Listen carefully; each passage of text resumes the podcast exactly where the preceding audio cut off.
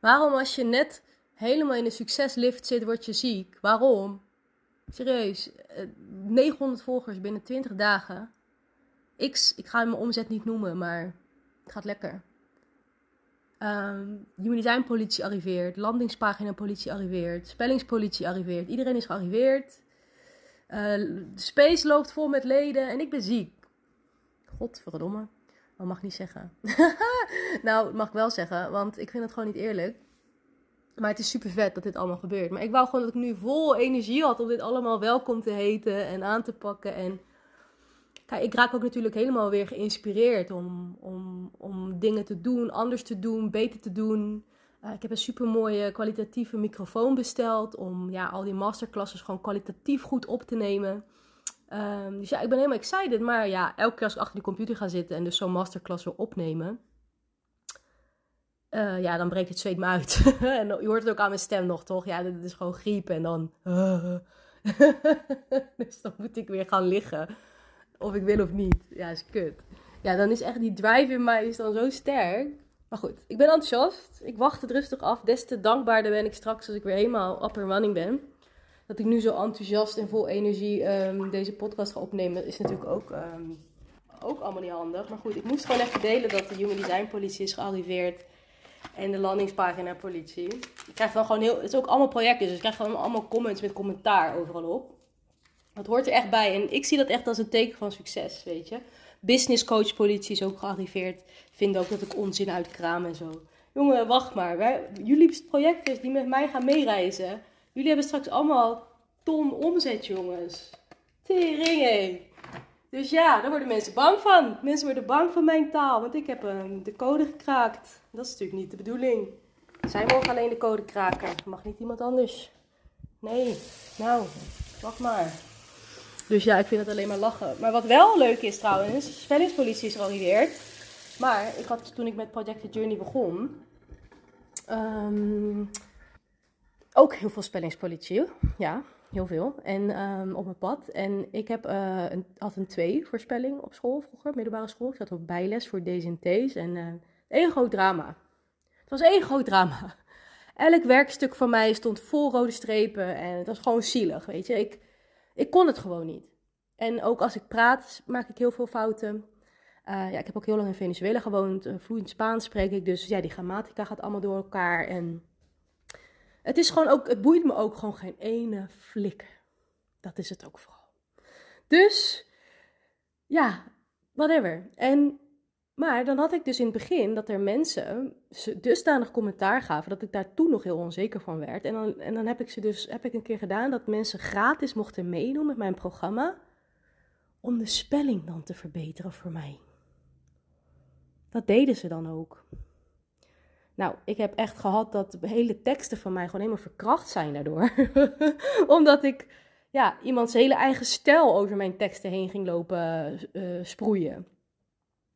Terwijl ik gewoon een schrijfster ben, hè. Ik ben echt een goede schrijfster, hè. Dus ik liet me daar gewoon door tegenhouden. En uh, nu heb ik laatst dus een super mooi compliment uh, gehad. Want ik heb het er natuurlijk niet bij laten zitten. Ik ben mezelf daar echt wel in aan het verbeteren. En heb mezelf gewoon op een gegeven moment afgevraagd: is het echt zo dat ik geen spelling kan? Is dat gewoon zo? Of heb ik gewoon een bijzondere schrijfstijl, ten eerste? Want ik kies soms heel bewust voor grammaticale fouten, omdat het dan in jouw hoofd op een andere manier rijmt. Dus is dat gewoon niet beter dat ik gewoon zeg, heb ik ook gezegd, van hé hey, luister, als je niet tegen spellingsfouten kan, ja, dan, dan, dan, eh, dan, dan niet. Ja, dan, dan, dan moet je niet met mij samenwerken.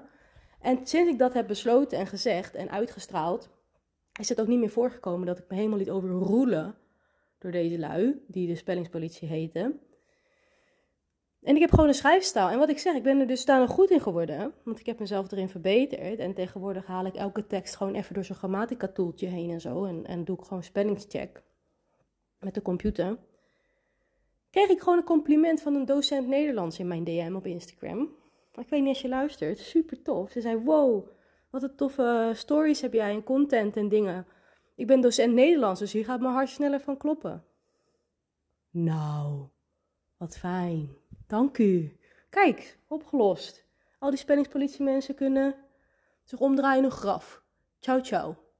I got this. Mm. Maar goed, wat zou ik nou vertellen? Ja, ah, ik doe alweer veel te wild. Ik ben gewoon ziek. Ik ben hartstikke ziek. Ik ben net naar de Jumbo gelopen en weer terug. En ik ben helemaal kapot. Ik heb koorts, ik ben verkouden. Het is gewoon classic griep. Dus ik heb citrosan in huis. Ehm, ik ben al vier dagen onderweg. Het gaat echt al honderd keer stukken beter. Dus ik had eigenlijk een bruiloft vandaag. Ik had een etentje. Het is echt allemaal heel droevig. Ik heb het allemaal afgezegd. En ik lig thuis op de bank. Ja, wat doe je eraan? Ik moet, want als ik nu doorga en citrosan erin knal en mezelf op, opfleur en gewoon ga, dan, um, ja, dat gaat niet goed aflopen maandag, man. Dus ik moet gewoon nu kiezen voor mezelf en, uh, en super saai. Dus ik heb allemaal lekkere dingen in huis gehaald. Met, met gevaar voor eigen leven. ik ben kapot. En uh, ik ga gewoon lekker. Ik heb uh, Netflix opnieuw aangeschaft. Ja, ik had dat allemaal al niet meer, joh. Ik kijk dat nooit. En, uh, maar ik dacht, ja, nu moet ik wel. En ik heb boeken. Ik ga The Richest Man of Babylon lezen. Want ik heb besloten me meer in geld te gaan verdiepen.